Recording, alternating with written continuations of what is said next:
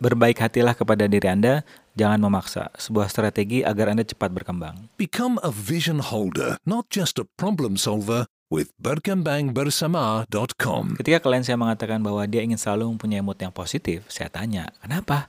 Ya karena saya merasakan law attraction aktif saat saya menggunakan mood positif dan memudahkan hidup saya.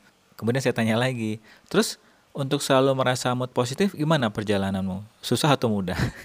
Dia pun berkata, susah coach. Nah mungkin Anda banyak mendengar cerita atau bahkan mengalami sendiri saat Anda mengikuti sebuah seminar yang berkaitan mengenai mindset, positive thinking, dan sebagainya. Di hari-hari pertama, mood Anda masih positif. Namun seminggu mungkin sudah ikut kelas, banyak yang kembali stres. Kenapa ini bisa terjadi? Uh, coba saya jelaskan dari konsep karet gelang ya.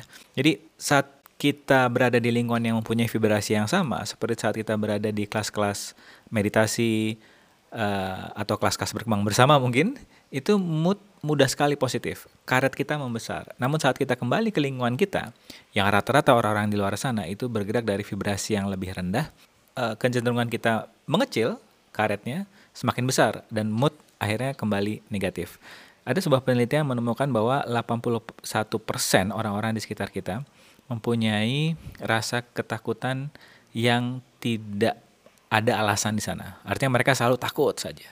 Nah, kenapa karet kita cenderung untuk mengecil? Karena kita takut ditolak, karena kita selalu berfungsi dari kebahagiaan dan orang-orang lain eh, apa namanya selalu menggunakan penderitaan di kehidupan mereka. Akhirnya akhirnya kita memilih untuk tidak lagi bahagia, uh, kembali menderita agar kita diterima di lingkungan kita.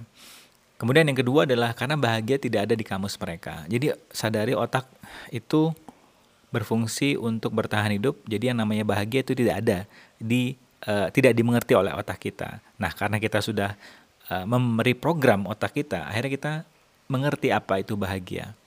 Namun sadari tidak semua orang seperti Anda. Melihat kondisi ini, solusinya seperti apa? Yang pertama adalah sebuah kesadaran bahwa bahagia itu adalah pilihan. Dan banyak banget orang di luar sana, bukan Anda, yang uh, tidak memilih untuk bahagia. Yang kedua adalah Anda berbeda dan bukan lebih baik ya. Sadari bahwa ada namanya awareness atau adalah kesadaran, consciousness adalah level kesadaran. Artinya level kesadaran kita dengan orang-orang di sekitar kita berbeda saja. Artinya kita berbeda bukan lebih baik. Dan yang ketiga adalah uh, orang-orang semakin ke sini dia tidak percaya dengan apa yang kita omongkan. Uh, saran saya berhenti memberitahu, melainkan beri contoh. Nah, ini mungkin yang sedang kita tunggu-tunggu. Bagaimana supaya konsisten mood positif? Ya saran saya jangan memaksa konsisten. Karena ini nggak nggak berbaik hati banget di perja, uh, di perjalanan kesadaran kita. Nah, cara yang saya sering gunakan adalah kurangi durasi galau kita.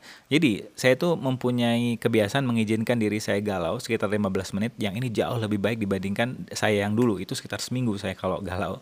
Karena ada pepatah yang mengatakan energi saat ditahan dia akan mendorong Anda semakin besar. Saat diberi outlet, dorongannya tidak sebesar saat kita tahan.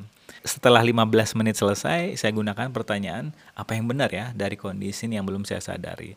Oke, sekali lagi, yang kita kejar bukan konsisten mood positif, namun dengan cepat kita menaikkan kembali mood ke arah positif saat kita rasa kok moodku lagi turun ya. Nah, selamat bersenang-senang dan tolong berbaik hatilah ke diri sendiri. Sampai ketemu di episode berikutnya. Keep having fun. Bye-bye.